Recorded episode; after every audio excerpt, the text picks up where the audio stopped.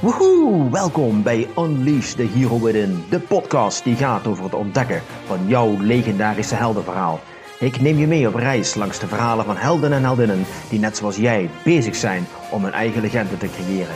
Zij delen hun ervaringen, tips en wijsheden met als doel jou te inspireren om een jemig de pemig fantastisch leven te hebben. Mijn naam is Marcella Heij en you are fucking awesome.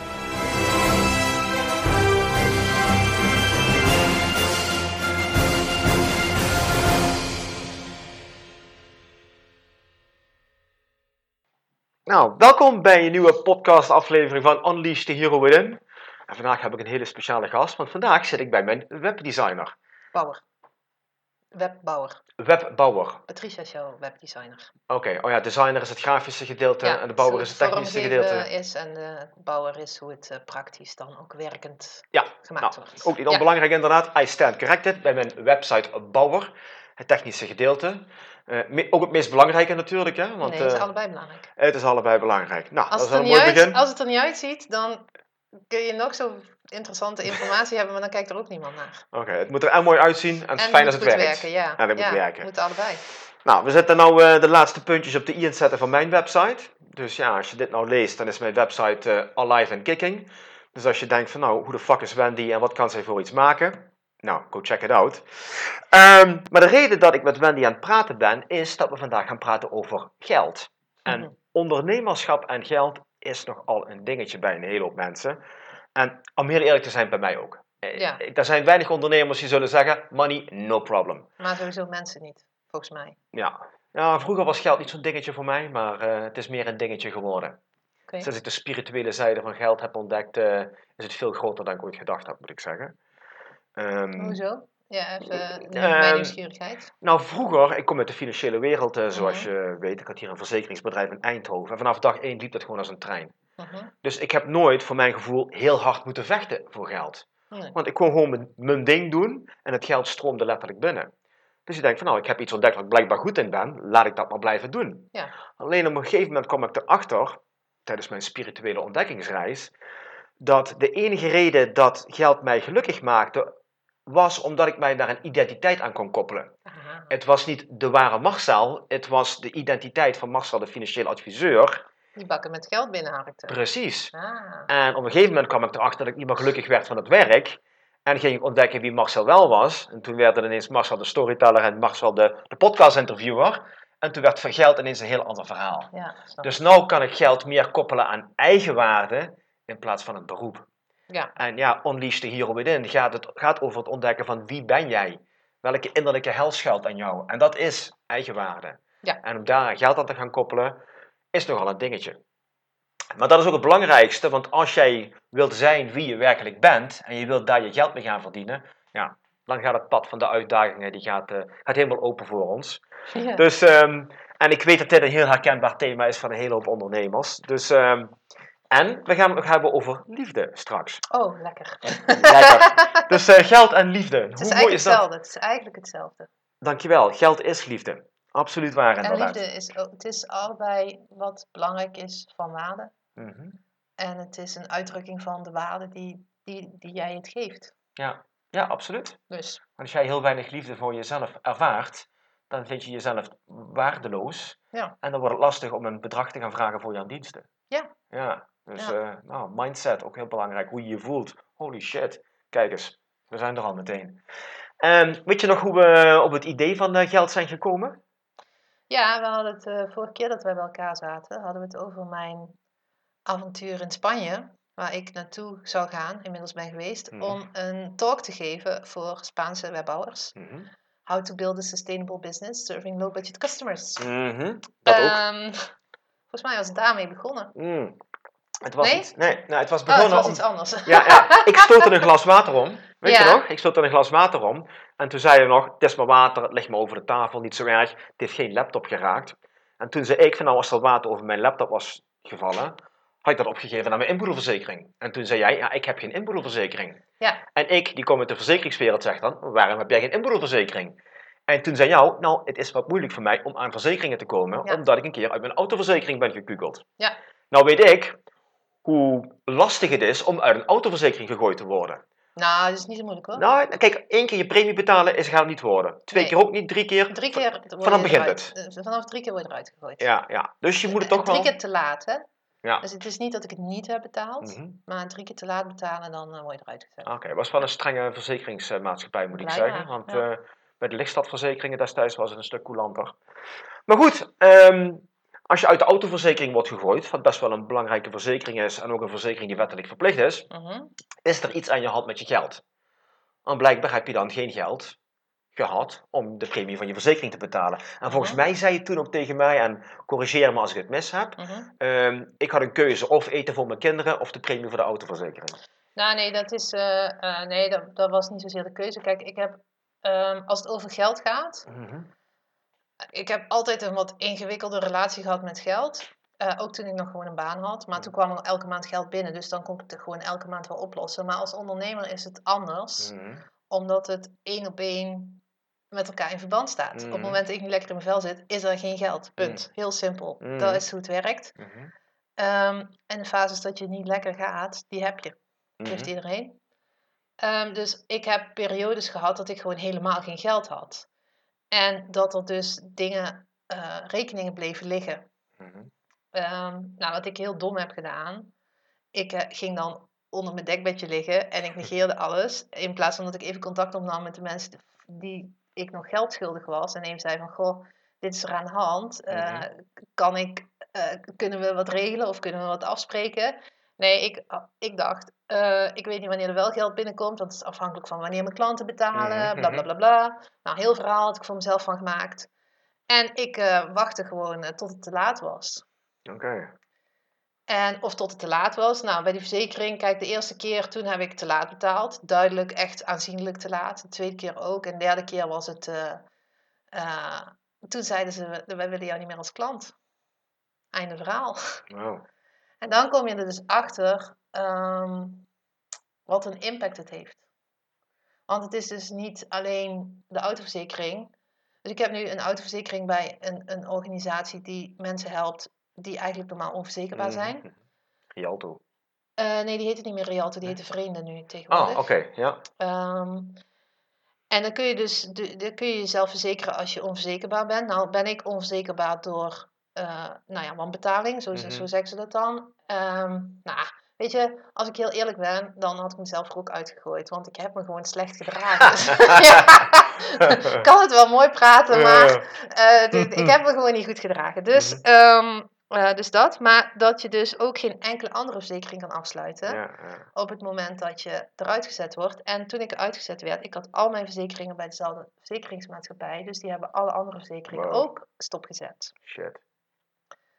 Ehm, dus dat is het verhaal.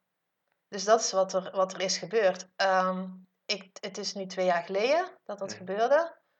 Ehm, het duurt vijf jaar voordat je Met drie mag je een poging gaan wagen. Ja, met drie mag ik een poging gaan wagen. Ja. Maar goed, het duurt normaal gesproken vijf jaar. Mhm. Inmiddels heb ik ook wel een zakelijke aansprakelijkheidsverzekering bij de Verenigde. Mhm. Omdat dat gewoon wel toch echt wel een slimme verzekering is om te hebben. En de rest, eh, nou ja, tot nu toe afkloppen. Jouw glas water staat het. tegen bij mijn laptop. ik mis het ook niet, Mm. eigenlijk. nee, nee, zolang je geen schade hebt. eh, Nee. nee, ik ben het met je eens hoor. Eh, Nederland is vaak oververzekerd. Dus veel vaak heb je niet nodig inderdaad. Maar eventjes, eh, even, let's rewind. Je, je werkte vroeger in loondienst. Wat voor Ja. werk eh, deed je als ik vragen mag? Nou, ik heb heel veel verschillende banen gehad. En mijn Ja. laatste werk was assistentmanager bij de bibliotheek in Eindhoven. Oké. een projectmanager deed ik Mhm. daar, projectmanagement van verschillende projecten. En eh, ik assisteerde de, de manager van de filialen. Oké, cool. En toen ging de bibliotheek, ging, eh, nou ja, de gemeente die, die, die stopte een deel van de subsidie. Oké. Dus toen moesten er mensen uit, Mm. Waaronder ik. En wanneer was dat? In welk jaar? Dat was 2010. 2010. Ja. Oké, en then what happened? Ehm, toen eh, heb ik eerst eh, een paar weken op de bank gelegen. Want wat jij had met goed verdienende verzekeringsman, had ik met assistent-manager bij de bibliotheek. Dat was wel een identiteitsdingetje. Uh-huh. Ehm, en toen dacht ik, oké, toen ben ik gaan zoeken van wat kan ik doen. Ehm, en ik ben gaan kijken naar projectmanagement functies. Maar ik had wel een cursus gedaan, maar geen officiële opleiding en weet Mhm. ik veel wel allemaal. En op LinkedIn, dan word je doodgegooid met mensen die al honderdduizend opleidingen hebben gedaan. Mm. Toen dacht ik, nou, misschien is daar niet helemaal het juiste pad. Mhm. En ik had een product ontwikkeld, en maakte ik ook zelf, van edelstenen en vilt eh, tegen de stress. Oh. En dat verkocht ik. En er was best wel wat vraag naar. Ehm, dus ik dacht, nou, ik ga voor mezelf beginnen. Dus ik had bij het UWV aangevraagd voor mezelf mo- mocht beginnen. Dat was in zo'n overgangsfase, dus die UWV had zoiets van, oh ja, doe maar. Mhm. En dan heb je dus een half jaar om voor jezelf te beginnen. Mhm. Mm.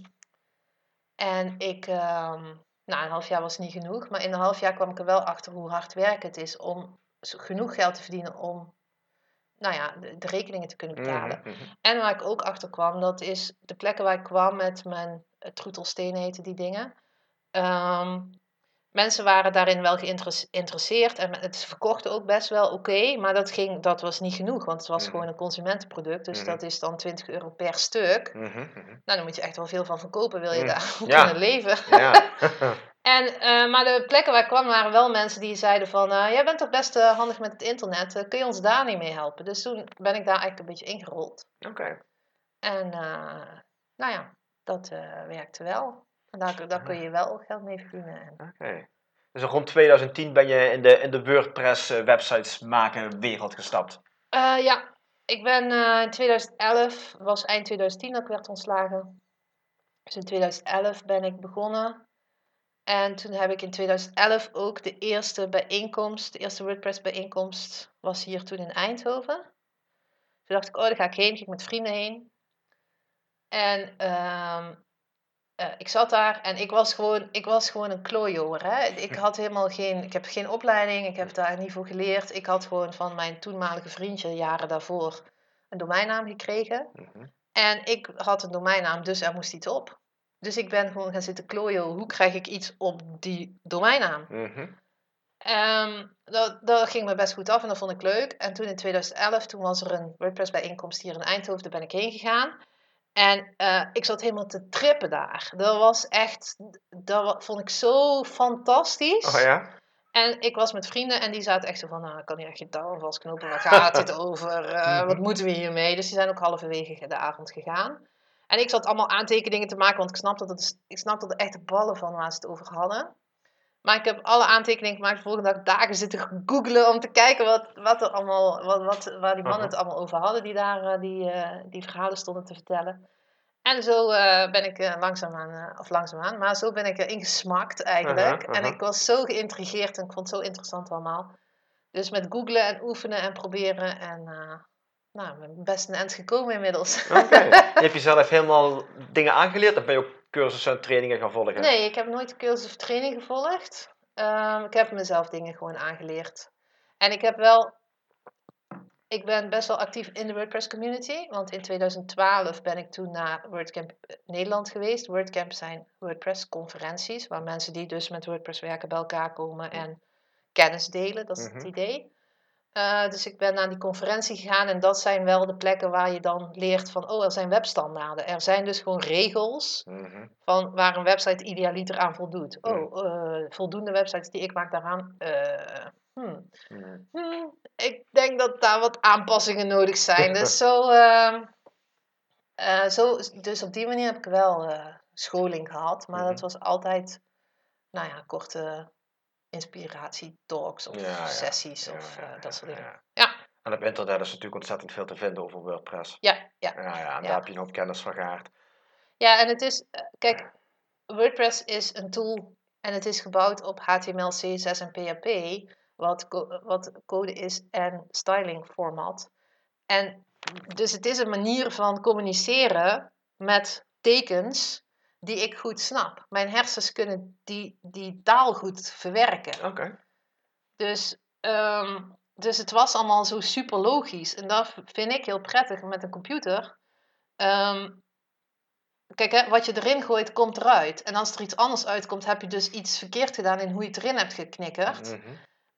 Dat is één op één. Daar is nooit misschien, oh, uh, Nee, nee. dat is nooit Van het twijfelachtig. klote apparaat, waarom doe je niet wat ik zeg? Nee, dat apparaat doet wat jij zegt. Alleen Ja, als jij niet zegt van precies goed zegt wat hij moet doen, Mhm. ja, dan doet hij dus iets anders. En dat, En, en dat vind ik intrigerend. Oké, oké. Dus je hebt daar wel je draai in gevonden.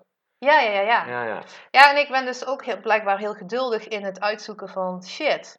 Van oké, dus ik gooi dit erin, ik verwacht dat dat eruit komt, er komt iets ander uit, anders uit. Waar gaat het mis? Mhm. Daar, daar heb ik wel heel veel tijd aan besteed. Oké, oké. En toen je begon met het maken van websites, eh, was dat meteen overnight succes? Nee joh, Nee? nee, nee, nee, nee. Ik heb, eh, mijn eerste website heb ik gemaakt voor een winkeltje in België. Ehm, en die vrouw was er heel blij mee. En eh, ik ook toen. En als ik daar nu, hij bestaat nu niet meer, maar toen ik er een tijdje daarna naar keek, dacht ik, oh, wat erg. Ja. Dat was echt afschuwelijk. En dat was voor 320 euro. Dat leek me toen een redelijke prijs. Mhm. En dan was ik, daar ben ik denk ik drie of vier weken mee bezig geweest. Wauw. En dan denk je aan het einde van de maand, oh, 320 euro voor de hele maand is toch best wel Weinig. Ja.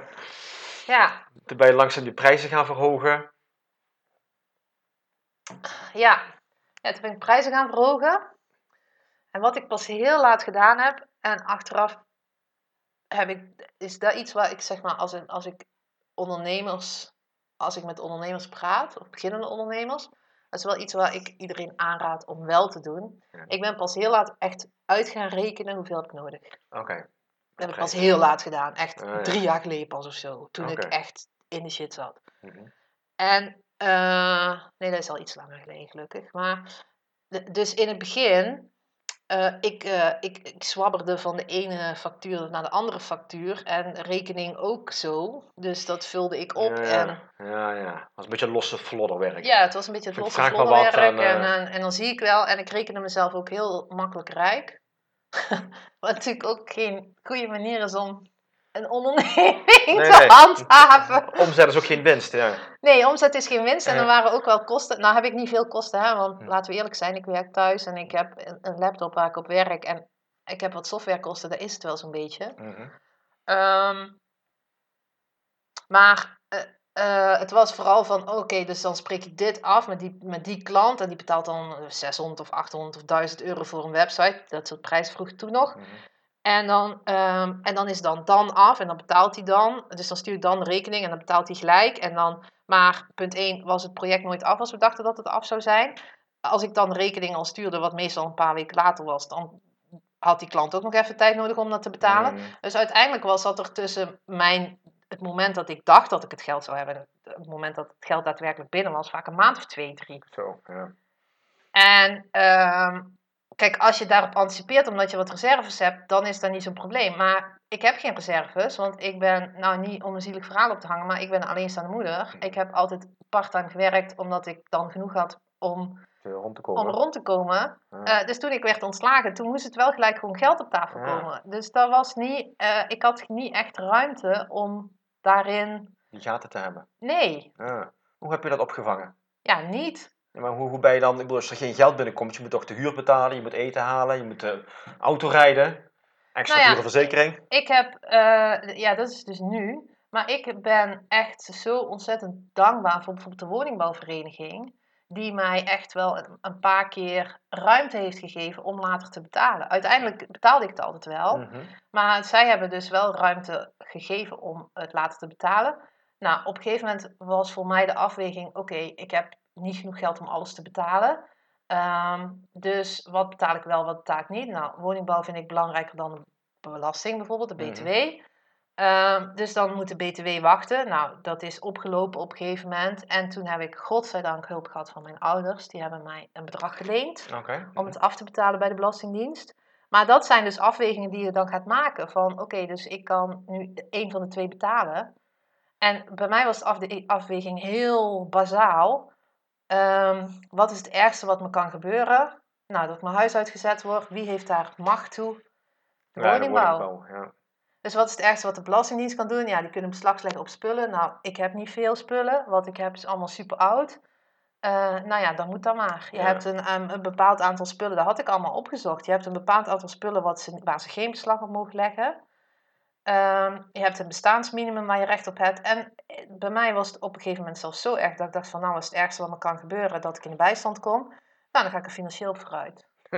Damn.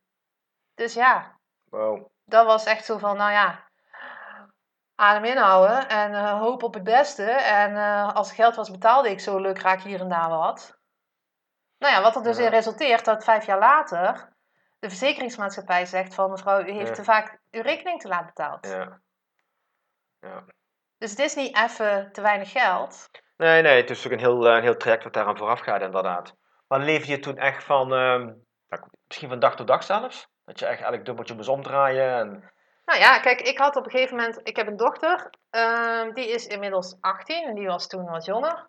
Ehm, ik heb op een gegeven moment heb ik echt wel maanden en maanden geleefd van 20 euro boodschapgeld in de week met z'n shit. tweeën. Hoe doe je dat? Ja, dat weet ik dus ook niet meer. Want nu heb ik het wat ruimer en nu denk ik, hoe heb ik dat ooit gedaan? Maar ja, dat kon dus toen. Huh. Dus daar waren veel aardappels. Eh, ja, aardappels zijn nu wat duurder, maar dat was toen vrij goedkoop. Dus aardappels. Ik had op het moment dat ik geen geld had, want bij mij... Kijk hè, als je geen geld hebt... Even eh, algemeen, er is best wel veel geschreven over armoede. Mhm. Maar armoede doet wat met je hersens. Mhm. Daardoor kun je niet meer normaal nadenken. Je kan gewoon niet meer nadenken. Dat wordt keer op keer bewezen. Dus iedereen die zegt, ja, mensen die geen geld hebben, die moeten even nadenken, die moeten verstandig met hun geld omgaan. Dat gaat niet.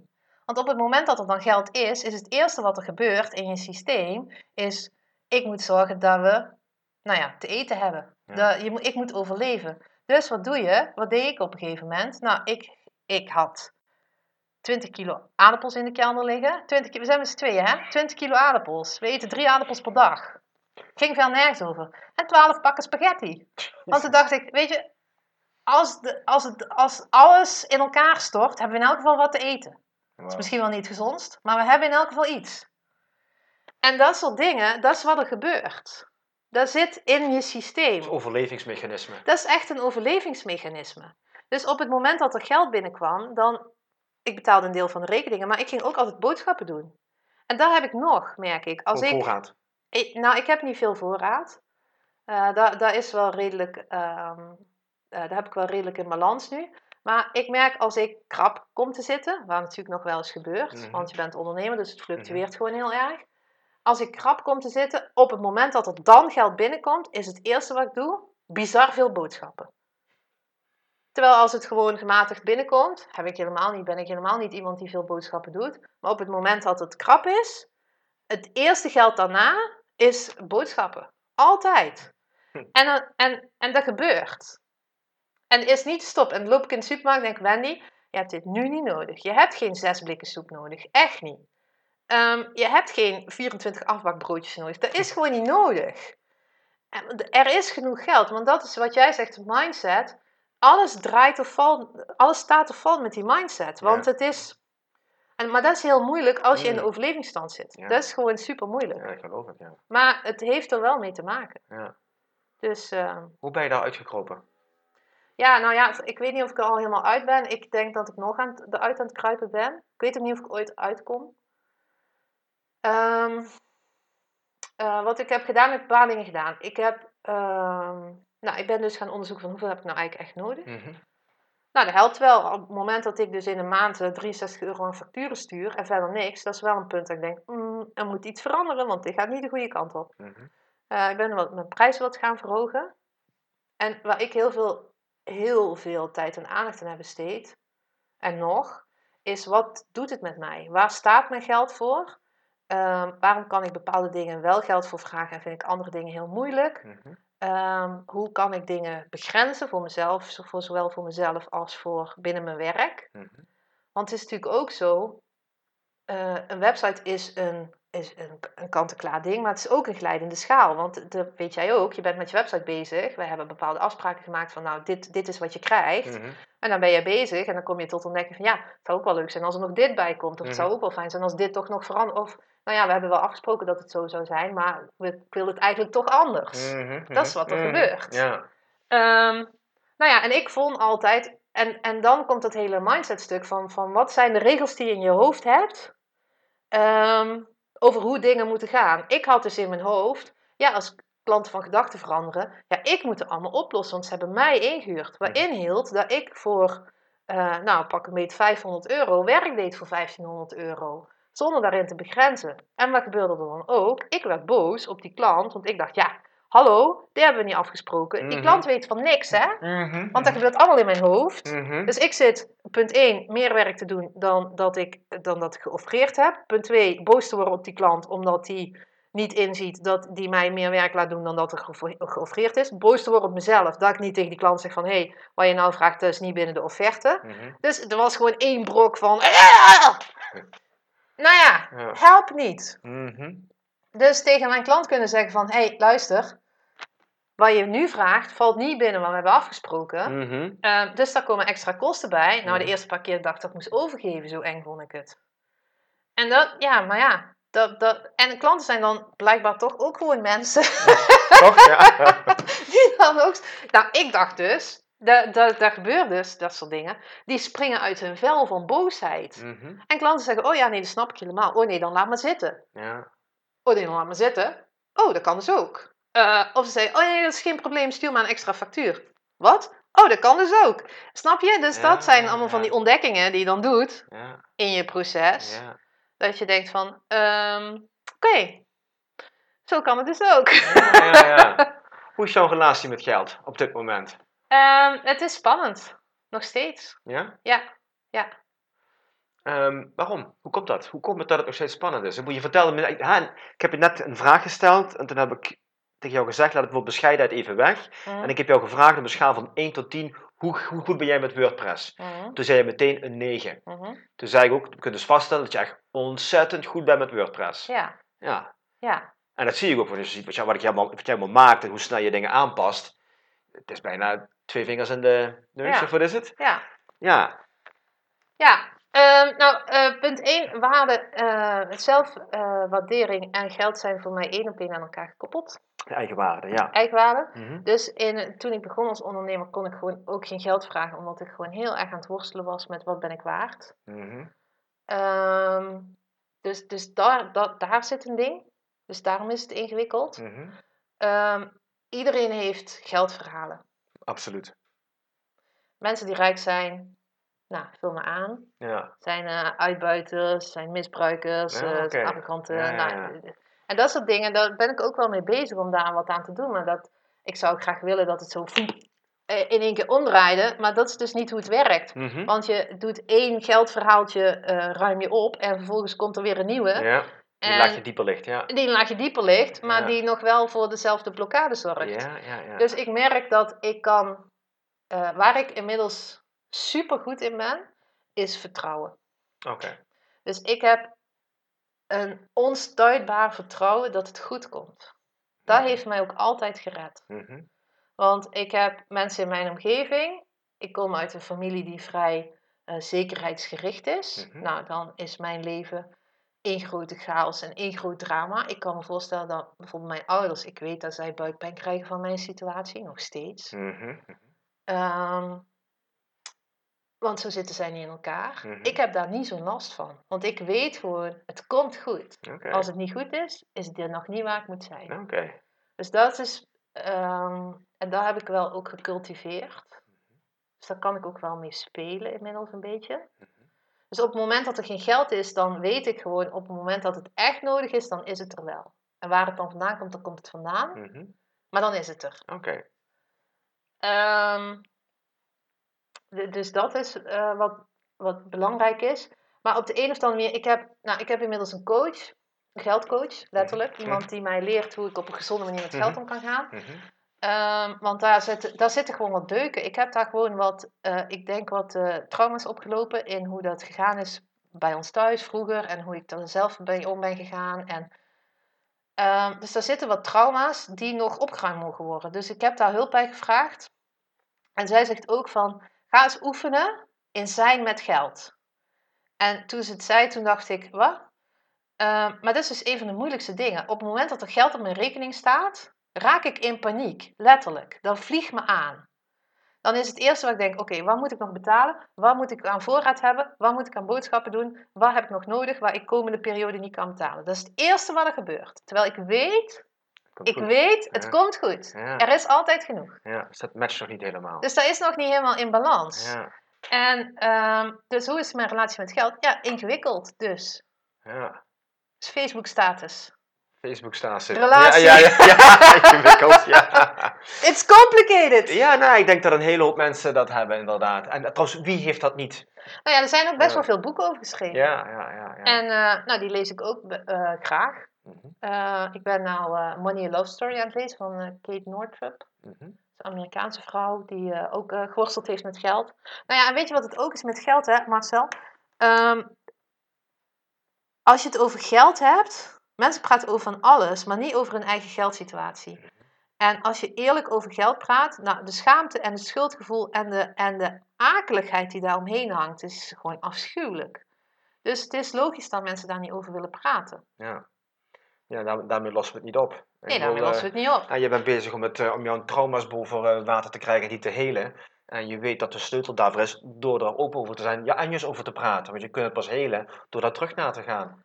Ja, Maar, dat wil maar ja, dat hoeft natuurlijk niet in het openbaar, hè? is. Nee, nee, dat is zeker niet openbaar en dat is ook zeker niet makkelijk. Nee, dat ben ik heel met je eens.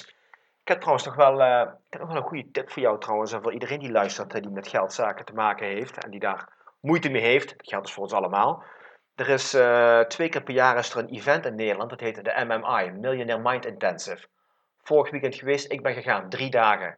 Ik heb daar met 500 mensen staan huilen als een kind. Met Harv T. Aker. Half die eh, Eker, dat is hem. En ja. die kan ik echt van harte ook voor jou. Hij is in januari in Amsterdam. Oh, leuk. En je kunt gratis kaartjes krijgen. Oh, dat zal ik eens doen. Dat is echt, ik, en zoals ik, zeker als ik een verhaal nou hoor, nou even los van jouw verhaal, maar dit is voor iedereen is dit goed. Ja, want je mindset, weet je wat het is met je mindset? Je hebt het gewoon niet in de gaten. Ja, het is on, on- eh, op onbewust niveau. Ja. Dus je hebt het niet in de gaten. En dan denk je, hoe kan Ja. het nou? Hoe Ja. kan het nou dat dit elke keer fout gaat? Nou ja. En, dus die coach van mij die zegt, eh, eh, ga zijn met je geld. En dan denk je, zijn met mijn geld? Hoezo zijn met mijn geld? Ja, Nou, dan, al, komt- dan komen er allerlei pruttelverhalen naar boven. Ja. En dan, nou ja, ik ga dan opschrijven wat er allemaal komt. En dan ga ik er naar kijken en dan denk ik, eh, oké, hier zitten wat aannames in, die misschien niet helemaal correct zijn.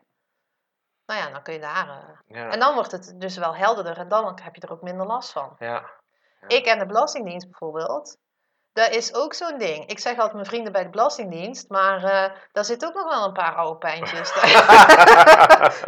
dus, maar, maar de grap is dus wel, ik heb wel een goede relatie met de mensen bij de Belastingdienst. Ik heb daar zelfs gewerkt. Oh ja? Kun je nagaan? Unbelievable. Ja. Het is echt gewoon, Ja. nou ja. Ah, dat is wel mooi.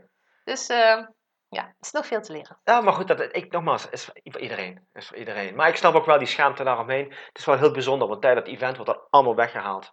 Dat is echt heel erg mooi. Dat kan ik echt zo iedereen van harte aanbevelen. Ik bedoel, ik zag het ook vaker voorbij komen. Ik denk, nou, weet je wel, oké. Toevallig kwam ik iemand tegen die werkt voor eh Success Resources. En die zei, Marcel, dan moet je ergens naartoe gaan. Echt de moeite waard, by the way. Hier is een gratis kaartje. Dus ik kon ook geen nee zeggen. Nee, Ik ben precies. drie dagen gegaan. Het zijn lange dagen. Van 's morgens vroeg 9 uur tot 's avonds 11 uur. En wow, dit is echt, dat gaat echt heel diep en heel ver. Zwaar de moeite waard. Ah, gebeurt een leuk. hele hoop in dat event inderdaad. Ja.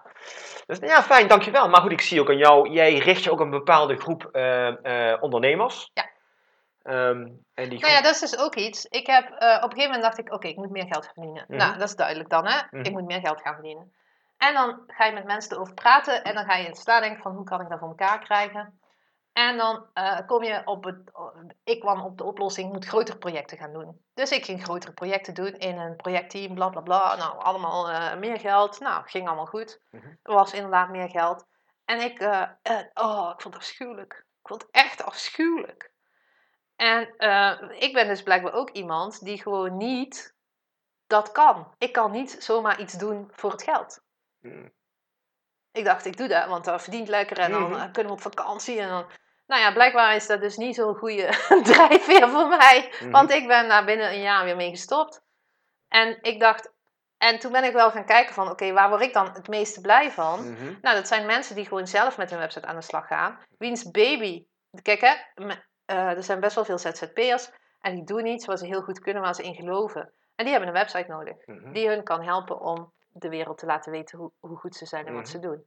En dat zijn de mensen waar ik het liefst mee werk. Ja, En dat zijn ook de mensen die het minste geld hebben. ja, ja. Of die het minst snappen hoe een website gaat bijdragen aan hun succes. Ja. Dus dat was zo'n zo'n tegenstrijd. ehm, waar ik gewoon heel lang mee geworsteld heb. Van ja, hoe doe je dat? Als ik iemand tegenkom en denk, oh, jou kan ik echt zo goed helpen. En die zegt, ja, ja, ik heb 200 euro. Ja, eh, doe ik het dan voor 200 euro? Of zeg ik dan, ja, eh, sorry, maar ik help je niet. Ja, Dat is, Nee. ja, dat is lastig iets. Het is lastig. Mhm. En eh dat zijn dus manieren wel. en ik ben er nog niet helemaal uit. Hè. Ik bedoel, het is niet zo dat ik nu de, de heilige graal heb gevonden. Maar ik heb wel redelijk wat manieren gevonden om dat soort mensen wel te kunnen helpen. Kun je er eentje met ons delen? Ja, ik heb, eh, nou gisteren, ik, eh, ik heb een vrij hoge uurprijs. Mhm. Maar ik doe wat ik met jou ook doe. Ehm, wij gaan zitten en ik fix de dingen. Mhm. Gewoon waar jij bij zit. Mhm. Waardoor je dus gewoon weet, eh, dit is wat er gebeurt en dit is wat ik krijg. Dus ik had een, een mevrouw die benaderde mij. Ik heb een website en ik ben niet tevreden over hoe die is. En de websitebouwer kan ik niet meer benaderen, want nou ja, het is een beetje in, in onmin geraakt. Ehm, en er moeten wat dingen aangepast worden. Kun je me helpen?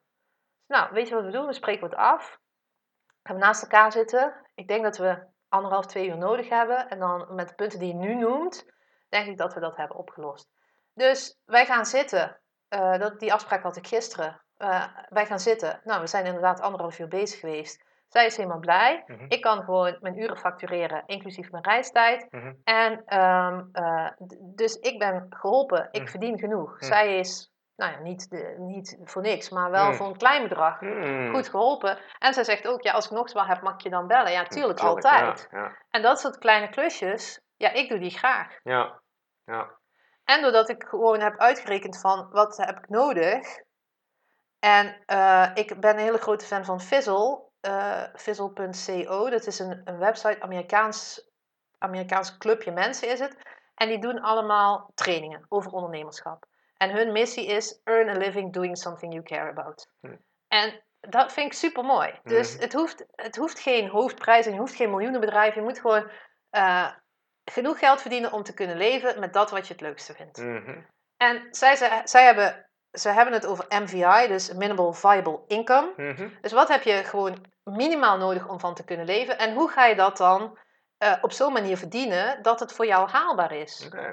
Dus als je hoort dat eh, als je ZZP'er bent, dat als je 50% facturabele uren hebt, dat je het redelijk goed doet, dan weet je dus, oké, dus ik heb dit nodig. Ehm, ik heb eh, 160, stel dat ik werk fulltime, ik heb 160 uur in de maand. Mhm. Eh, daarvan is maar 50% facturabel. Dus wat ik nodig heb, moet ik in 80 uur kunnen Verdien- verdienen. Ja.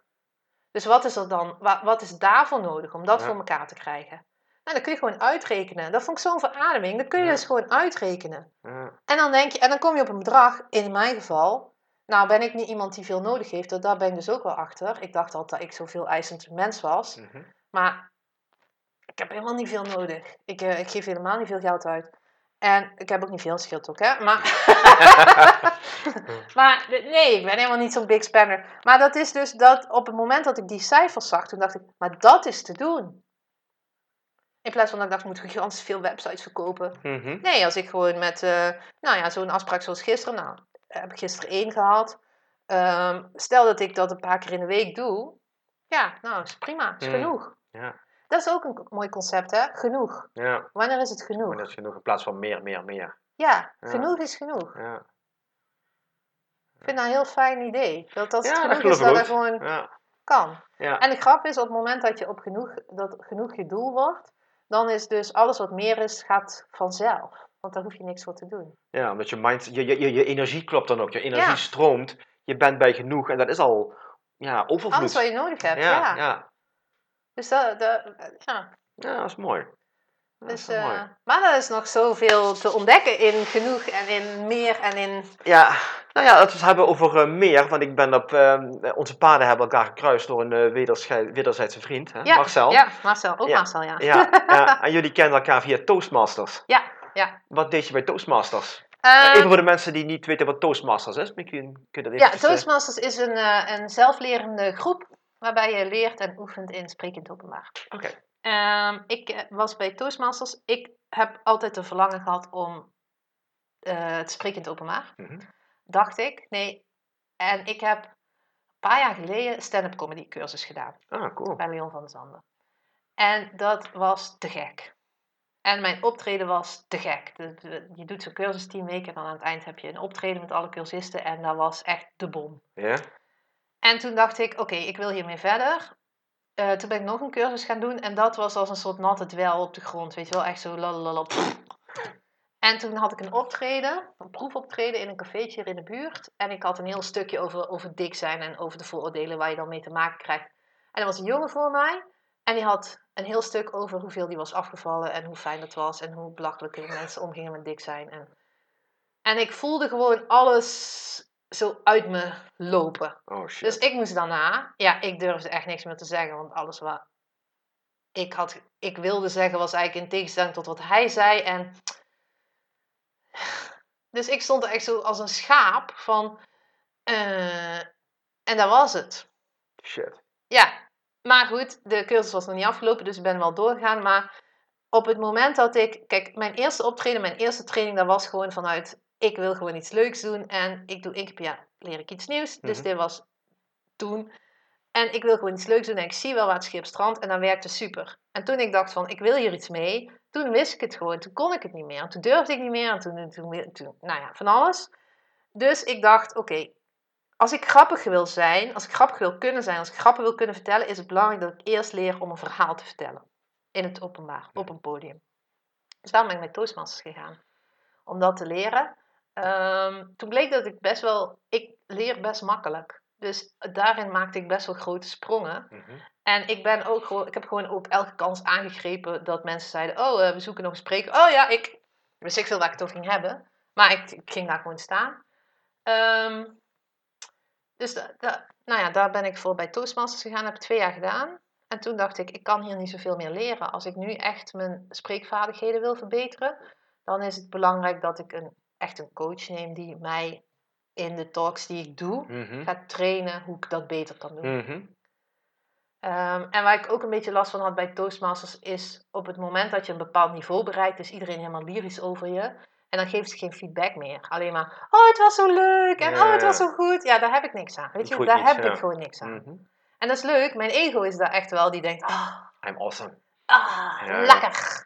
Maar eigenlijk, als je wil ontwikkelen, heb je daar niks aan. Maar je gaf toen ook wel een paar lezingen regelmatig? Of? Ja, ik ben eh, begonnen op eh nou, WordCamps, de WordPress bijeenkomsten, Mhm. om eh, talks te geven. En ook als MC, dus degene die de talks aan elkaar praat, Ja, spreekt, cool. introduceert, dat soort dingen. Dat heb ik ehm, eh, twee jaar, drie jaar gedaan.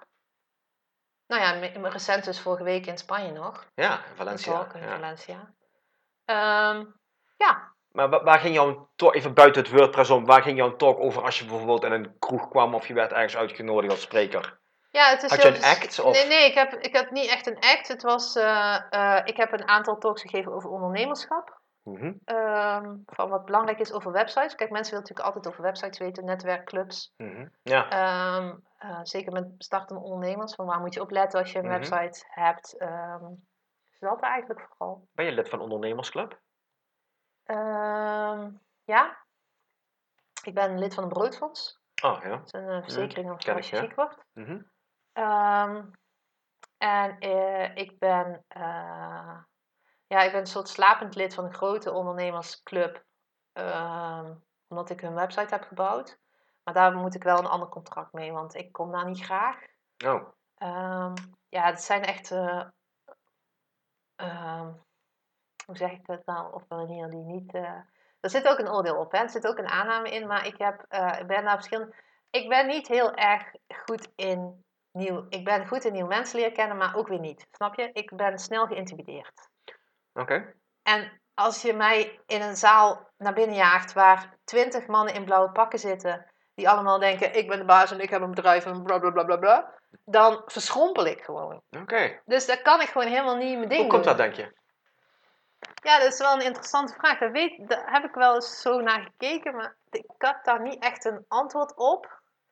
Ehm, het heeft ermee te maken dat ik me altijd toch kleiner voel en minder goed en minder belangrijk dan andere mensen. Dat is een soort basisding in mijn systeem. Waar ik wel mijn best voor doe om dat kwijt te raken, maar nou ja, dat is nog niet weg. en zeker als mensen, eh, zeker haantjesgedrag, ik, ik kan daar gewoon niks mee. Ik krijg daar een soort kortsluiting van. En dan zit ik ernaar te kijken en dan denk ik, gast, waar heb je het over? Mm. Waarom? En zeker als je dan eh, op dit moment is in Amerika WordCamp US bezig. Dat is de, nou ja, de, de grootste WordCamp van Amerika. Ik ben twee jaar geleden in WordCamp US geweest Oh, cool. als MC. Oh ja? Hoe was dat? Ja, dat was super cool. Ja? Ja. Dat is wel grappig, want je zegt net, als ik in een zaal sta, 20 mensen blauwe pakken, dan haak ik af. Maar als ik ervoor sta, dan heb ik, eh, dan uh, de show heb is ik yours. geen Ja? probleem. Ja, Want zo'n Word- WordPress kamp in Amerika, dan kan ik me voorstellen dat er iets meer komt dan 20 mensen. ja 2000 ongeveer. Oké, en daar sta jij op het podium de Ja. hele dag de boel aan elkaar te praten. Ja. Oké, en dat is geen enkel probleem. Nee. Hmm. Interessant, hè? Ja, maar dan kom je dus, maar dat is dus, maar dat is wel, nee, ja, dat is interessant, maar dat is ook wel verklaarbaar. Want ehm, op het moment dat je op het podium staat en praat tegen mensen, hoef je niet de interactie aan te gaan. Je hebt een andere, je hebt een rol, je hebt een duidelijke rol. Mhm. En je hebt een duidelijke taak en dat kan ik. Oké. En op het moment dat ik in een groep, want dat was dus daar ook het probleem, dan kom je dus eh, een borrel binnen. En eh, Amerikanen zijn wat dat betreft net ex- iets explicieter dan, dan Europeanen. En dan kom je dus zo'n borrel binnen en dan mensen kennen je, want je hebt, ze hebben jou op het podium zien staan. Mhm. En dan komen ze naar je toe. Oh, je was geweldig. En het Ja. einde. En dan denk je, eh, oké, dankjewel, dankjewel, dankjewel. Eerst, in het begin is het nog wel leuk als mensen zeggen, Ja. oh, mag ik met je op de foto? De eerste twee keer denk je, ja. ah, cool, leuk, leuk, leuk. En na de vijftiende keer denk je, oh, gast, ga je iets nuttigs moeten doen met je leven. Ja. Maar dan, maar dan komen ze dus ook van, ehm, ja, en eh, laten we connecten, want eh, we kunnen zaken doen en blablabla, want ik heb een agency en blablabla. Nou, en dan denk ik, eh, snap je? Dus dan haak ik gewoon af. En dat gebeurt dus op netwerkdingen Mhm. heel erg veel. Dus als mensen vragen, ik moet er ook altijd om lachen. En dat is niet dat ik mensen uitlach, maar wel een beetje eigenlijk. Mensen vragen van, wat doe je? Mensen allemaal met hele grote bla bla verhalen komen. Mhm. Ja, wat doe ik? Ik maak websites, Mhm. weet je? Nou ja, dat is toch wel een belangrijk iets. Een Ja, goede dus website van een bedrijf niet- is toch... Ik zeg niet dat het niet belangrijk is, maar ik hoef daar niet... Je hebt het over bescheidenheid, maar... ehm, je hoeft dingen niet groter te maken dan ze, dan ze zijn. Nou ja, als jij een van de, hè, dus op een schaal van 1 tot 10 gaf je jezelf een 9. Als jij een van de betere website, WordPress website bouwers bent van Nederland. Ja, een van de betere weet ik niet. Ik ben goed. En er zijn ook een heleboel anderen die goed zijn. Ja, maar er is altijd iemand die beter is. Maakt niet uit welk beroep Er wat zijn je een doet. heleboel ook nog die beter zijn. Ja, Er zijn een eh, behoorlijk aantal tienen in Nederland. ja. Maar En goed, wereldwijd ook. ja.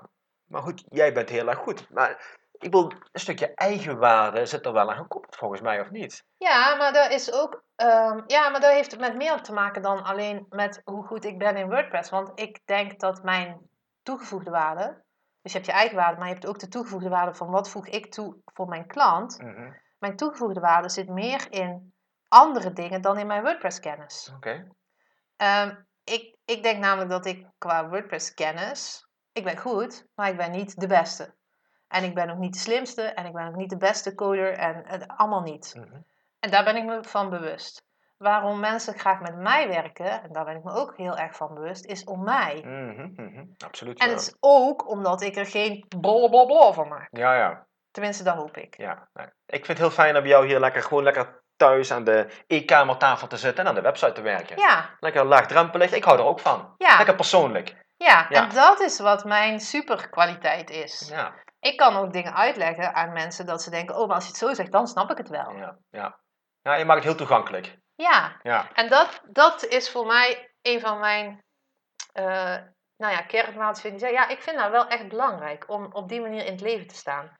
Ik heb ook altijd, wat ik net zei, ja, ik probeer elk jaar iets nieuws te leren. Gewoon omdat het goed is om ergens leerling in te zijn. Het is Mhm, belangrijk in, als mens zijnde om ergens een beginner in te zijn in je leven.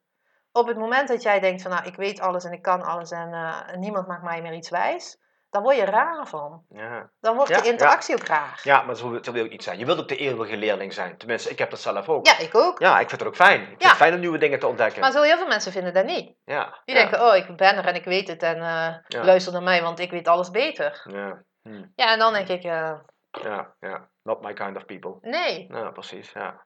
En op netwerk-events, op, een, op een aantal netwerken, niet overal zo, maar op een aantal netwerkevents is daar wel hoe mensen zich presenteren. En dan, eh, ja, dan ben, je- ben je mij kwijt. Ja. ja. Nee, goed. Ik ben ook meer van de verbinding, hartsverbinding, laat het zo zeggen. Ehm, en gewoon lekker zijn wie je werkelijk bent. Je hoeft niet anders voor te doen. En dat ego hoeft echt geen grote rol te spelen. Dat hij maar lekker bij de voordeur Nee, staat. die mag wel mee, want die heeft ook een belangrijke taak wel. Ja, maar goed, het, het, het hoeft geen hoofdrol te spelen. Nee, precies. En dat is, eh, ja, dat is belangrijk. Dat, Ja. dat mensen zich daar bewust van zijn en dat dat dus niet hoeft. Ja. Ja, goed, met hoe jij bent trek je ook de mensen aan die bij jou horen. Dat is ook ja, fijn. ja, ja, ja, Ja. ja. En mensen verwijzen jou ook door. Van kijk, maar ik ben ook hè, door een doorverwijzing bij jou terechtgekomen. Ja, want Dus- mijn website is dus al eh, eh, ruim een jaar niet Ja, online. Dat is wel interessant, hè? Een webbouwer die geen website heeft. Ja, Hmm. Ja. Maar goed, blijkbaar is het nog niet nodig. Dus eh, Nee. nou, dat is ook fijn. Hij is wel al heel end. Oké. Ja, Ja. ja, ja, ja. We shall see. Ja, we shall see. Hey, we hadden het net over eh, verbinding, Mhm. over liefde, hè? kunnen we er een Mhm. beetje over hebben. Dat is ook een, ander iets wat ik net ontdekte bij jou, wat ik helemaal nog niet wist. hè. Oh Want- joh. Ja, ja, al zijn ik zoveel dingen. bad vol verrassingen. Oh. nou, een van die verrassingen is dat jij ook bezig bent met een project dat heet De Liefdesdokter. Yes. Ja. Vertel, wat is de Liefdesdokter? ja, als je het zo zegt is het wel een beetje ranzig. En dat is dus, proberen we te, te, te voorkomen. Oké. Eh, de Liefdesdokter is een leercollectief. Mhm. Eh, het is een eh, eh, maatschappelijke club. Eh, het is een onderneming, een maatschappelijke onderneming, Mhm. die bij wil dragen aan meer verbinding in de wereld. Mm. En ehm, eh, het is bedacht door Inge van Vorst. En eh, zij is in 2010 al mee begonnen. Met een, eh, een actie voor het Glazen Huis, stond toen in Eindhoven. Ah, cool. En eh, zij, zij is docent bij Fontis en zij was met haar studenten bezig met eh, dingen om geld in te zamelen, projecten die te maken hadden met liefde en relaties. En zij was, ze hadden een avond georganiseerd en zij heeft een witte jas aangetrokken en zij ging gewoon met mensen consulten geven. En vond het superleuk om te doen. En dat is uitgegroeid, heeft zich ontwikkeld, is eh, doorgerold tot wat het nu is. Mhm. een collectief waarin Inge en ik compagnons zijn, eigenaar van het bedrijf. Eh, wij werken met vrijwilligers, dus wij doen optredens op het moment doen wij optredens en workshops. ehm, binnen organisaties voornamelijk.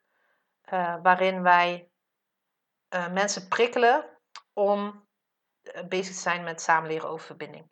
Dus het gaat over leren, het gaat over je ontwikkelen, het gaat over verbinding met jezelf, met elkaar en met de wereld. Mm. Ehm, en dat doen wij op een eh, eh, hopelijk een luchtige, eh, gezellige, prettige manier die mensen goed kunnen, ehm, kunnen verteren. Dat is Mhm. belangrijk. Ehm, er is best wel veel kennis, wetenschappelijke kennis. Inge is als relatiecoach en als docent en als al- geïnteresseerd. Mhm. Die zit daar helemaal in. Ehm, dus die komt elke keer onderzoeken tegen van dit moet de wereld weten. En. Ehm, er is geen manier om het gewoon bij normale mensen voor te schotelen, omdat het eh, veel van die kennis wordt gebruikt in therapieën, in eh, protocollen, in eh, weet ik veel wat allemaal. Mhm. En terwijl het zo behulpzaam zou zijn als je op, gezond, op gezonde mensen dat Ja. soort kennis al zou hebben. Mhm. Want het, ehm, eh, het ja, wakker kussen of het, of het versterken van het gezonde stuk Mhm. is helpender voor een mens en voor ons als samenleving dan het beter maken van het zieke stuk. Ja, ik snap wat je bedoelt. Ja, voorkomen is beter dan genezen. Ja, dat. Ja, ja, ik zeg het wat ingewikkeld, maar Nee, dat... ik snap, wat je bedoelt. ik snap precies wat je bedoelt. Ja, ja. En dat doen jullie voornamelijk nog in company? Of is dat ook toegankelijk voor... Eh, dat doen wij eh, vooralsnog in company, want wij worden dus ingehuurd Mhm. door eh, organisaties om... wat wij doen is... ehm, eh, wat, wat je krijgt van de liefdesdokter, dat is dus voor, voor, voor medewerkers of voor bezoekers of voor... eh, die hoeven daar niet voor te betalen. Oké. Mhm. Want het is net als de liefde. Het, het verrast je en je krijgt het cadeau. Mhm. Ehm, maar dat wil niet zeggen dat wij niet betaald hoeven te worden. Mhm. Dus wij worden ingehuurd door organisaties en bedrijven die dat hun klanten, bezoekers, nou ja, noem maar op, een cadeau willen geven. Het is een vorm van aandacht. Mhm. En het is al, altijd klein. Nou, Inge doet nog steeds de consults. Dus eh, we hebben een caravannetje, al een hele tijd hoor, maar een caravannetje. En als we die meenemen, dan zit Inge daarin als de liefdesdokter. En dan kun je dus op consult bij de liefdesdokter. En dan ga je de caravan in, krijg je een consult. En dan kom je met een recept kom je weer naar buiten. En eh, buiten staan eh, de zusters. Wij zijn met een collectief van 14 vrijwilligers. Zo. Die met ons meegaan. Die dus ook willen leren over verbinding. Maar ook Mhm. over hoe doe ik dat nou eigenlijk als ik... Hoe, hoe, hoe werkt het bij mij? En ehm, eh, dus mensen kunnen zich bij ons aansluiten. eh, als zuster of broeder. Ehm, en dan kun je mee naar optredens. En we hebben één keer in de maand hebben we een clubavond voor de hele crew. Waarin we of wat trainen of eh, iets uitleggen. Of gewoon met elkaar dingen delen die we tegenkomen. Wat gaaf. Ja. En dat willen jullie ook nog een keer gaan doen voor eh, de mensen die niet eh, in company werken? Ja, nou je kan sowieso het eh inloopspreekuur altijd eh, ja. ervaren. Gratis. Mhm, Eh, mhm. Eén keer in de maand is het bij Stadsbakkerij Brood hier in Eindhoven. Oké. Eén keer in de maand inloopspreekuur. Dat is op de eerste zaterdag van de maand. Dus dat is morgen. waar we nu zitten te kletsen. Dat is, dat is, in ons geval is dat dus morgen. Maar eerste zaterdag van de maand, van 12 tot 2, eh, kun je naar de bakkerij. En dan is Inge daar. En dan kun je dus een consult krijgen. Cool. Eh, de Liefdesdokter heeft wel een website. Ja, de liefdesdokter.nl. De liefdesdokter.nl. Klinkt zeer interessant. Ik ga in ieder geval zeker kijken. Ja, Ik, eh, ik vind het heel erg leuk. Klinkt eh, heel ja erg leuk. het is ook echt super superleuk om te doen. ja, ja, ja, ja. En ja, dus, en er komen vast wel binnenkort, of binnenkort weet ik niet, maar er komen vast wel een keer open trainingen voor mensen die meer willen leren over Ja. verbinden. Er zijn, ik ben nu met een training bezig. Eh, zelfliefde was mijn, eh, toen ik Mm. eh, compagnon werd, Mhm. toen was de vraag van, ja, dan moet er dus, want Inge heeft natuurlijk het consult met het recept. En als ik erbij kom, dan moet er ook iets van mij zijn. Dus ik heb Mm. een vaccinatieprogramma ontwikkeld voor zelfliefde. Wauw. Want zelfliefde kun je niet te veel hebben. Nee. Dus het kan altijd meer. Ja. Ehm, dus mensen kunnen een vaccinatie krijgen. Die nemen we ook mee naar optredens. En ik ben nu bezig met de workshop zelfliefde. Eh, ik, had, ik had er één, maar op de een of andere manier, je ontwikkelt jezelf en dan wordt het toch ook weer anders. Ja, dus ja. ik ben nu de, de workshop aan het aanpassen. dat Oh, eh, gaaf. Ja. Het ontwikkelt zich vanzelf allemaal. Ja, Ah, het, ont- mooi. nou, het, ont- het ontvouwt zich. Oké, ontvouwt zich, ja. Maar Ja. dat is, vind ik wel, voor mij wel belangrijk. Ook met mijn eigen bedrijf, met de websiteclub. En ook met mijn geldshit en met alle dingen in het leven. Ehm, je moet wel geduld leren hebben, maar dan ontvouwt het zich vanzelf. Hoef je niks voor te doen. Alleen maar even Geduld hebben. doorademen. Ja. Dat is eigenlijk het enige. Nou, dat is een hele mooie tip inderdaad. Ja, Ja, ja die is heel mooi. Hey, ehm, we hebben al een hele hoop ehm, dingen gepraat over wat je allemaal doet. Eens kijken of je dat nog eh, beter kunnen leren als eh, mens. Dus ik heb een paar, eh, paar vragen voor jou Ja. bedacht. kom maar op. wat was de mooiste dag van je leven en wat was de donkerste dag van je leven? Ehm, ja, de mooiste dag. Ik heb ooit een dag gehad met een vriendje ooit. Dat is al heel lang geleden. En toen zijn we een dagje naar Parijs geweest. Mhm. En dat was zo'n cadeautje. Ik kan me. Eh, ik weet niet meer wat we precies gedaan hebben. Ja, we zijn langs de Seine gewandeld en we hebben gegeten en helemaal niks bijzonders gedaan. Mhm. Maar gewoon het, het in het nu zijn en het ervaren van, wow, ik vind jou leuk en jij vindt mij leuk en we hebben het fijn samen. Dat vond ik heel, dat vond ik heel intens. Dat Mhm. vond ik heel mooi. Dus dat is wel een van mijn mooiste dagen. Mhm. Ehm, en de donkerste dag. Mm. Eh, ik heb, ehm, ja, dat is niet een dag, dat was een moment. Dat was wel een moment dat ik dacht van, oh mijn god, er moet iets veranderen. Ik had, eh, ik had belastingsschuld Mhm. en ik, had, ik maakte me zorgen. En, eh, ik had, en toen werd er hier op een gegeven moment, op het moment dat je, dat je dus je rekeningen niet betaalt, dan word je dus ook bang voor de mensen die bij je aan de deur komen. Hmm. Want, nou ja, als je of incasseerders ja. of eh, weet ik veel wat allemaal. En toen eh, kwam er een vrachtwagen hier de straat in rijden. Nou, ik woon in een superklein straatje, komt echt nooit een vrachtwagen hier. En toen kwam er een vrachtwagen de straat in rijden en die zette een container voor mijn deur. Hm. En ik ben helemaal in de freeze geschoten en ik dacht, ze komen mijn huis leeghalen. Het is, ik kan in een doos gaan wonen, ik kan het vergeten. En ehm, dat was niet zo, ze kwamen balkonnetjes renoveren. Hm. Maar het besef van, oké, dus dit is wat angst met je doet. Ja. Dat ik gewoon, ik kon gewoon niks meer. Fysiek ook niet, hè. Ik kon gewoon, ik zat hier op die stoel, naar buiten te kijken. dacht ik, dit is het einde. Dit is gewoon het einde. En eh, dus dat was eh, niet zo'n fijne dag. Nee. Dat was wel het punt waarop ik dacht, eh, ik denk dat ik het anders moet gaan doen. Want het is niet comfortabel. Nee, nee. Dan leef je in angst, ja. Ja, Wauw. ja. Ja, heftig. Over angst gesproken. Wat is de grootste angst die jij ooit overwon- overwonnen hebt? Eh, ja, ik heb heel veel. Ik ben heel, ik ben heel erg bang. Ik ben heel snel bang. Oké, maar welke is de grootste die je ooit overwonnen hebt? Nou ja, ik ben eh, afgelopen ehm, vorige week naar Spanje geweest. Mhm. In mijn eentje. Dat is niet zo'n probleem. Ik reis eh, graag in mijn eentje, doe ik ook eh, vaker. En ik heb bij een vriendin gelogeerd. Hm. Maar ik ging naar een conferentie waar iedereen Spaans sprak, behalve ik. Mm. Dus ik was in een groep waar ik één mens kende ehm, en waar ik de taal niet sprak en ik logeerde bij haar. Mhm. Dus daar heb ik echt wel eh, daar niet wakker van gelegen, maar wel een soort nachtmerries van gehad van Oh tevoren. Dat ik dacht, oh mijn god, het komt nooit goed en ik zit er dadelijk in een hoekje te verpieteren en eh, eh, ik ben afhankelijk van haar en zij kan doen met me wat ik wil en eh, echt dat, dat soort... eh, Oké. ja, ik ben best wel een positief mens, maar ook wel een beetje een zwartkijker af en toe. Ik kan wel heel veel dingen... Nou, nee, wacht. De belangrijkste angst die ik heb overwonnen, dat was met de liefdesdokter. Dat was echt een ding. Wij, Inge, die had... eh, Inge was mijn beste vriendin voordat wij compagnons werden. En ze had met de liefdesdokter geregeld dat we naar Solar konden. Op, Hmm, in het cool, Dance ja. Festival in Vermont.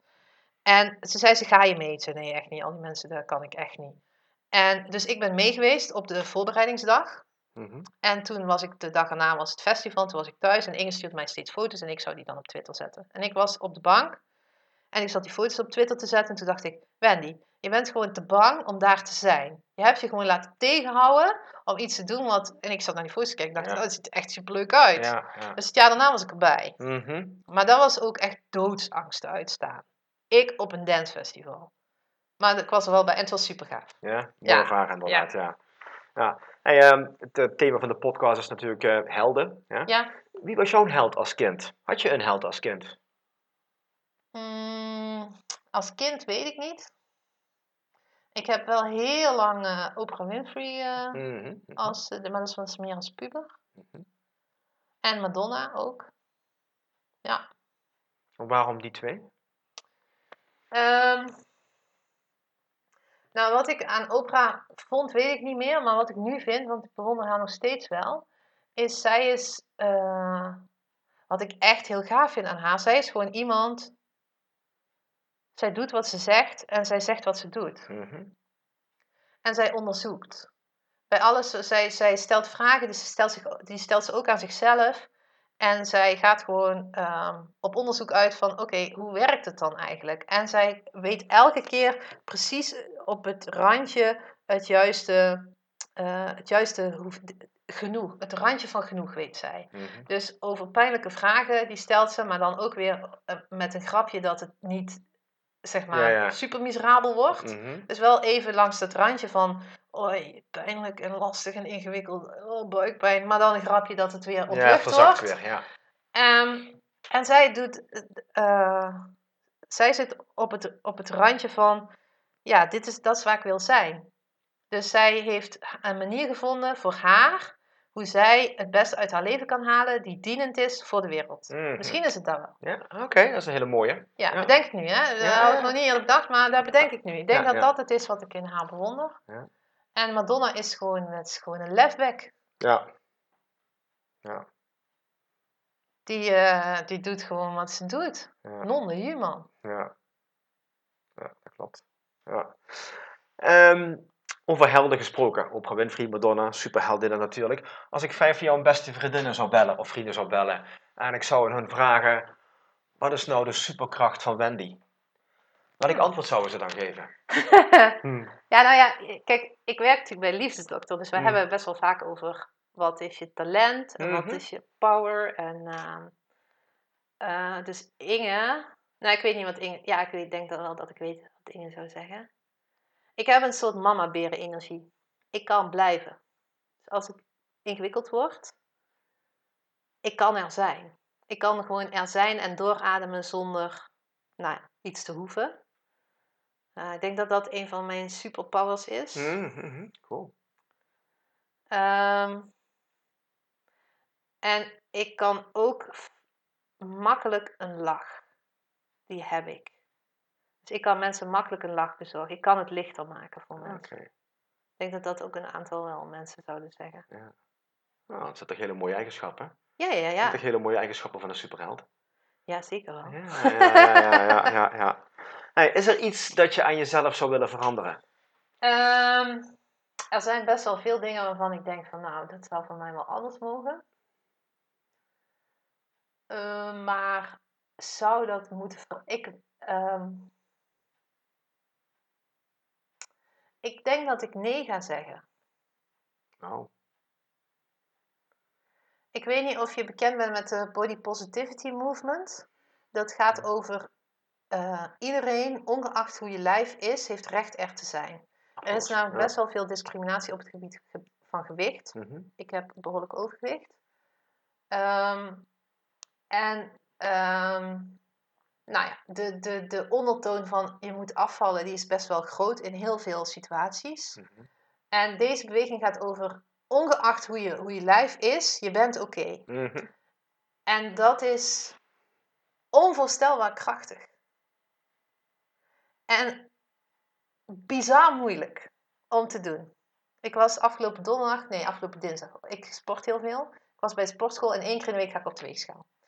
En ik heb met het vrouwtje wat, wat dan daar werkt en die mij weegt afgesproken. Je zegt er niks over. Goed of slecht, ik wil gewoon geen, ik wil oordeelloos op die weegschaal kunnen en dan ook weer af kunnen stappen. Dus ongeacht wat het is, ik wil niet dat je zegt, oh goed gedaan of nou volgende Nee. keer beter. Of ik wil het gewoon niet horen. Gewoon niks. Mhm. Gewoon registreren wat het is en dat Mhm. is het. Nou, daar heb ik met haar al weken over gedaan voordat zij dat ook daadwerkelijk een beetje kon. Ehm, maar er was dus een andere afgelopen dinsdag. En die was zo van, nou ja, nou, misschien eh, is het wel, eh, want ik was wat aangekomen. Mhm. Misschien is het wel dit of misschien is het wel dat. Ik Zeg, ik wil het er niet, dit is Ja. niet belangrijk. Ja, precies. Ja, maar je kan ook met je hormonen te maken. Ik zeg maar, dat maakt het dus niet uit. Want het is niet belangrijk. Ja. Ehm, dus heb ik soms situaties dat ik denk van, ik wou dat ik anders was. Ja, die heb ik. Eh, maar ik ben ook precies waar ik moet zijn. Nou, heel mooi. Het is fijn dat je je zo voelt. Ja, Ja, dat is heel fijn. Dat is Ja. heel veel waard. ja en het geeft ook heel veel rust. Ja, dat geloof ik, ja. Ja. Dat geloof ik. Dan hoef je niks te veranderen. Nee, Dan is het goed zoals het is. dus en qua karakter ook. Er zijn echt wel dingen die ik zou willen dat ik die zou kunnen. Nou ja, sommige dingen kan je gewoon niet. Nee. Nee, ja, en je bent helemaal goed zoals je bent. Dus, en ik ben eh, goed zoals ik ben. ja, ja, ja, ja, ja. Ik heb nog één laatste vraag voor je. Nou, kom maar op. Hoe wil je later herinnerd worden?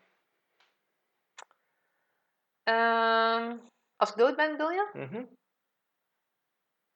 Nou, ik zou het wel op prijs stellen als ik aan mijn eigen begrafenis denk, dat mensen gewoon intens verdrietig zijn. Al die mensen die zeggen van, oh, doe mij maar een feestje op mijn begrafenis, dat zou ik niet op prijs stellen. dus dan weten jullie het. Als het afgelopen is met Wendy, vooral gewoon intens verdrietig. Daarna moet gewoon wel weer doorgaan met je leven, hè? dus je Mhm. moet daar niet blijven. Maar Mhm. gewoon even intens verdrietig van, van gemis, Mhm, dat zou ik heel, heel erg fijn vinden. mhm. Eh, ik hoop dat mensen mij herinneren als ehm, iemand die. waarbij het fijn was om erbij te zijn. Dus dat het fijn was dat ik er was. Mhm. Dat hoop ik dat ze, dat ze zeggen. Oké. Van het was echt fijn dat ze er was. En hoe dat dan van vorm heeft, maakt me eigenlijk niet zoveel uit. Oké. Ja, nou heel mooi. Ik denk wel mooi als je zo herinnerd kunt worden. Ja, Ja. Ja. ja. Ja. Ja, het laatste woord is altijd aan mijn gast. Dus ehm, is er nog iets wat je onze luisteraar wilt zeggen? Is er nog iets wat je wilt delen? Is er nog iets wat je kwijt wilt? Iets inspirerends? Iets... Het maakt niks uit wat. Nou ja, eh, ehm, eh, er zijn zoveel dingen. Nee, eigenlijk niet bijzonders. Eh, We hebben een nieuwe, nieuw motto bij, of nieuwe motto bij de Liefdesdokter. We zijn bezig geweest met een, ehm, met een actie. Eh, droom groot, doe klein. Dus dream big, act small. Dat gaat over, je kan altijd iets doen. En dat vind ik zo- vind ik zo'n fijne gedachte. Dat hoe groot de shit ook is, er is altijd één klein dingetje wel wat je kan doen. En dat zou ik wel mensen mee willen geven. Van probeer dat ene dingetje te vinden en te doen. Nou, dat zijn hele, hele mooie En dan woorden. gaat de rest vanzelf. Ja, het is een eerste stap in de goede richting altijd. Ja, Ja, ja. ja dankjewel. Ik, eh, hele mooie, mooie laatste woorden inderdaad. Hartstikke bedankt voor jouw eh, openhartigheid. Ik vond het een heel erg mooi gesprek. En nogmaals, je bent helemaal open, je hebt alles gedeeld, dus dat waardeer ik enorm. Nou, graag Dus eh, hartstikke bedankt. Beste luisteraar, ik hoop dat jij ook genoten hebt van dit gesprek eh, zoals ik. Eh, zo niet, er zijn nog genoeg podcasts. Zowel zeg het voort, zeg het voort, deel het. Dat zou ik ontzettend op prijs stellen. En ik zie je graag, of ik hoor je graag een volgende keer. Bedankt voor het luisteren.